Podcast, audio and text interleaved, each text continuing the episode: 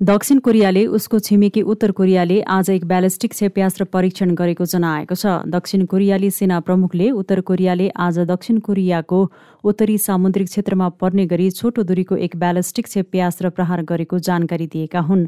उत्तर कोरियाले उत्तरी प्रान्त तायाचुनको सामुद्रिक पानीमा स्थानीय समयअनुसार आज बिहान छ बजेर त्रिपन्न मिनटमा सो क्षेप्यास्त्र प्रहार गरेको दक्षिण कोरियाली सेना प्रमुखले विज्ञप्ति प्रकाशन गरेर आज जानकारी दिएको हो। दक्षिण कोरिया उत्तरबाट हुन सक्ने यस्तो आक्रमणको प्रतिकार गर्न सक्ने पूर्ण क्षमताका साथ अमेरिकाको समन्वयमा पूर्ण तयारीका साथ रहेको जानकारी पनि सो विज्ञप्तिमा दिएको छ। दक्षिण कोरियाली सेनासँगको संयुक्त सैन्य अभ्यासका लागि अमेरिकी एक सैनिक समूह दक्षिण कोरियाले बुसान सहरमा आएको दुई दिनपछि उत्तर कोरियाले सो क्षेप्यास्त्र परीक्षण गरेको हो। यसै महिना दक्षिण कोरियाले र अमेरिकी सैनिकले संयुक्त सैन्य अभ्यास गर्ने तयारी गरिरहेको बुझिएको छ। सोही तयारीको समयमा उता उत्तर कोरियाले सो क्षेप्यास्त्र प्रहार गरेको बताइएको छ यसअघि पनि उत्तर कोरियाले पटक पटक छोटो दूरीका यस्ता ब्यालिस्टिक क्षेप्यास्त्रहरू प्रहार गर्ने गरेको छ। यस वर्ष पनि उत्तर कोरियाले कैयौं पटक यस्ता क्षेप्यास्त्र प्रहार गरिसकेको छ।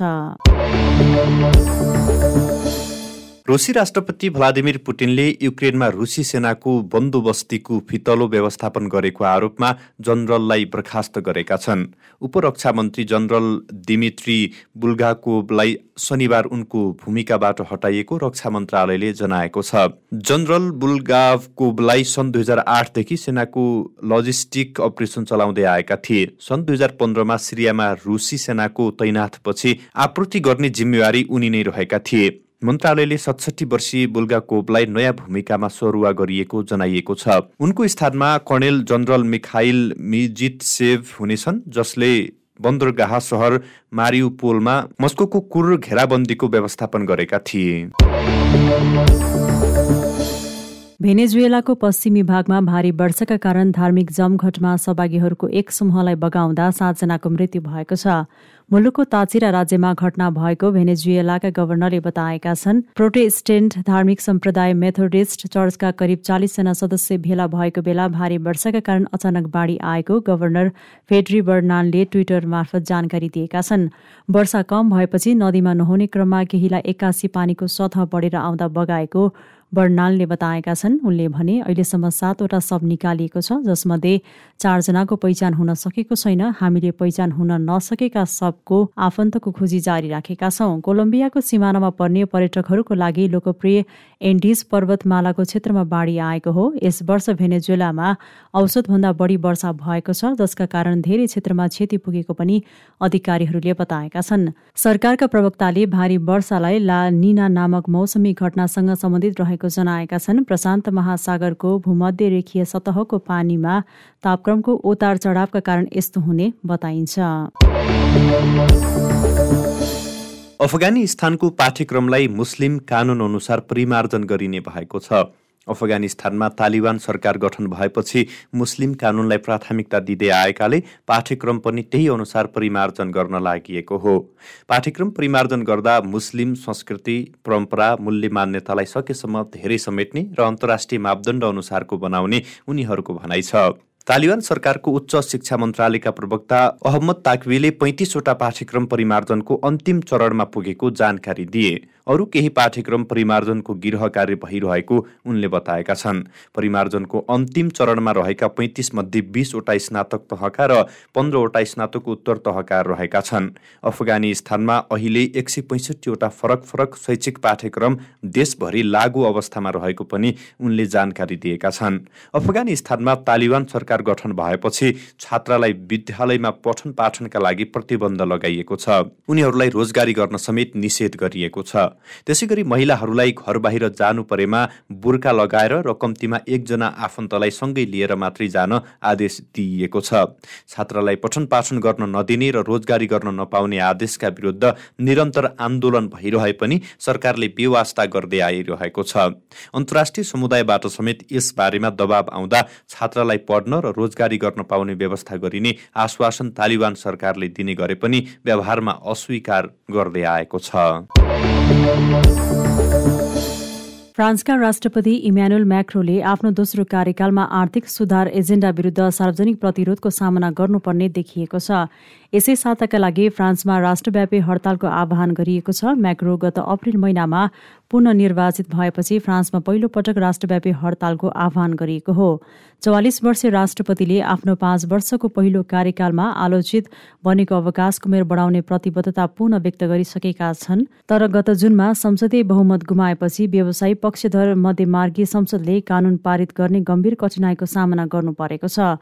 सरकारका सहयोगीहरूले असफलताको जोखिमबारे चेतावनी दिए पनि म्याक्रोले आफ्नो सरकारलाई सेवानिवृत्तिको उमेर बैसठीबाट बढाएर चौसठी वा पैँसठी पुर्याउने जिम्मेवारी दिएका छन्। सरकार र संसदले के गर्छ भन्ने बारे मैले पूर्व तयारी गरिरहेको छैन तर म विश्वस्त छु कि यो आवश्यक छ म्याक्रोले गत बिहिबार बिएफएम समाचार च्यानलसँग भनेका थिए।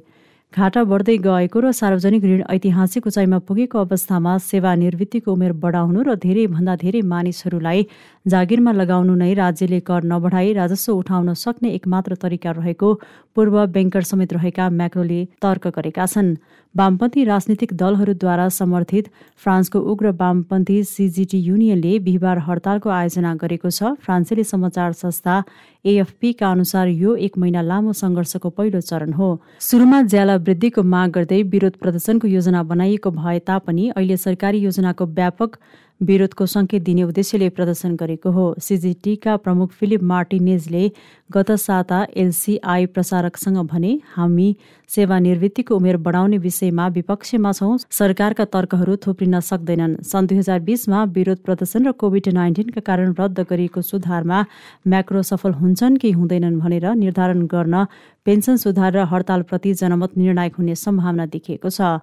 ओडोक्सा समूहले गत साता गरेको जनमत सर्वेक्षणमा पचपन्न प्रतिशत उत्तरदाताले सुधार नचाहेको र सडसठी प्रतिशतले यसको विरोधमा भइरहेको प्रदर्शनलाई समर्थन गर्न तयार रहेको बताएका थिए।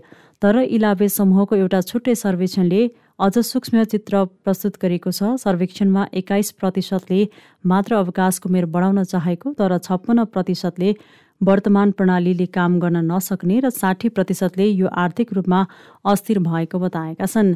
म्याक्रो निकट एक मन्त्रीले नाम नबताउने शर्तमा गत साता एएफपीसँग भनेका थिए मलाई बुढ्यौलीमा लामो समयसम्म कसैले काम गर्न चाहन्छन् जस्तो लाग्दैन। यो पनि सत्य हो कि मैले लामो समयसम्म काम गर्न चाहन्न भन्ने कसैलाई भेटेको पनि छैन। सायद म गलत छु तर युनियन र एलएफआईले आशा गरे जति ठूलो संख्यामा मानिसहरू सहभागिता हुनेछन् भन्ने मलाई विश्वास छैन। वामपन्थी फ्रान्स अनबोर्ड एलएफआई राजनीतिक समूहलाई सङ्केत गर्दै ती मन्त्रीले भनेका थिए। बहुमतभन्दा करिब चालिस सिट कम भएको अवस्थामा म्याक्रोको सरकारले संसदमा कसरी सुधारको प्रस्ताव ल्याउँछ भन्ने दोस्रो निर्णायक पक्ष हुनेछ केही भने यस्ता प्रस्तावलाई अक्टोबरमा मतदान हुने भनेको सामाजिक सुरक्षा बजेट विधेयकमा ढाल्ने पक्षमा छन्। यस कदमलाई आलोचकहरूले लोकी छिपी अघि बढाइएको कदमको रूपमा विरोध जनाएका छन्। यसका लागि ट्रेड युनियन र विपक्षी दलसँग परामर्श गर्न थप समय लिनुपर्छ भन्ने कतिपयको ठम्याइ छ। यद्यपि ट्रेड युनियनहरू सरकारसँग काम गर्न तयार नभएको बताइएको छ। नाम नबताउने शर्तमा एक वरिष्ठ सांसदले एएफपीलाई भने म्याक्रोले द्रुत मार्गको विकल्प रोज्नुहुनेछ। यी दुई परिदृश्यमा सरकारले धारा उनापचास दशमलव तीन भनिने विवादास्पद संवैधानिक संयन्त्रको सहारा लिने पर्यवेक्षकहरूले अपेक्षा गरेका छन् जसले कार्यपालिकालाई मतदान बिना नै संसद मार्फत कानून निर्माण गर्ने अनुमति दिनेछ। यदि विपक्षी दल यो कदम विरुद्ध एकजुट भए वा सरकार विरुद्ध अविश्वासको प्रस्ताव ल्याए भने उनीहरूले नयाँ निर्वाचन गराउन सक्नेछन्। म्याक्रोका एक सहयोगीले गत साता फ्रान्सेली सञ्चार माध्यमसँग यो सुधार योजना साहसिक तर खतरनाक भएको बताएका थिए। पेन्सन सुधारको सफलता र बेरोजगारी लाभ प्रणालीलाई छुट्टा छुट्टै परिवर्तनले राष्ट्रपतिलाई सुधारकको रूपमा आफ्नो छवि पुनः स्थापित गर्न मद्दत गर्ने विज्ञहरूले बताएका छन्।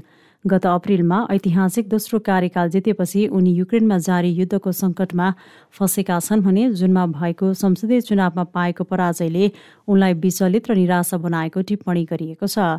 राजधानी पेरिसमा रहेको साइन्स पो युनिभर्सिटीका अनुसन्धानकर्ता तथा राजनीतिक शास्त्री ब्रुनो काउट्रेसले हालै एएफसीसँग भने हामीले म्याक्रोवादको कथालाई केही हदसम्म गुमाइसकेका छौँ। पेरिस द्वितीय विश्वविद्यालयका बेन्जामिन मोरेलले भने लामो इतिहास नभएको म्याक्रोवादको सार भनेकै नेता र कार्यक्रम हो। सन् दुई हजार सत्रमा फ्रान्सको सबैभन्दा कान्छो राष्ट्रपतिमा निर्वाचित भए यता म्याक्रोले सामाजिक सुरक्षा र कार्यस्थलको नियमनलाई आफ्नो राजनीतिको भिन्न परिचयको हिस्सा बनाएका छन्।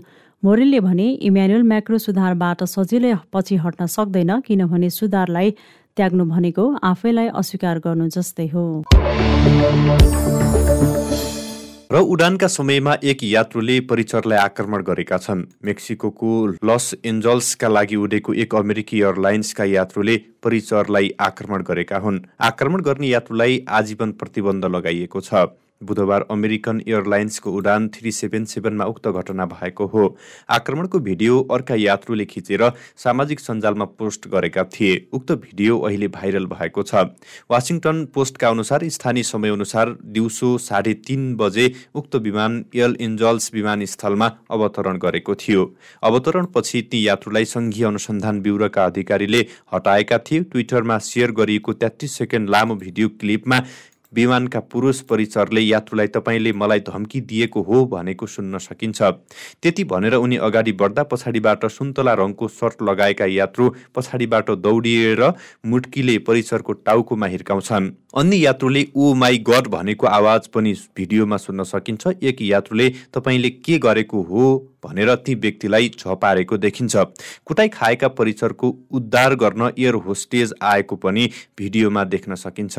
बाँकी उडानभर ती व्यक्तिलाई विमानका अन्य यात्रुले नियन्त्रणमा लिएका थिए।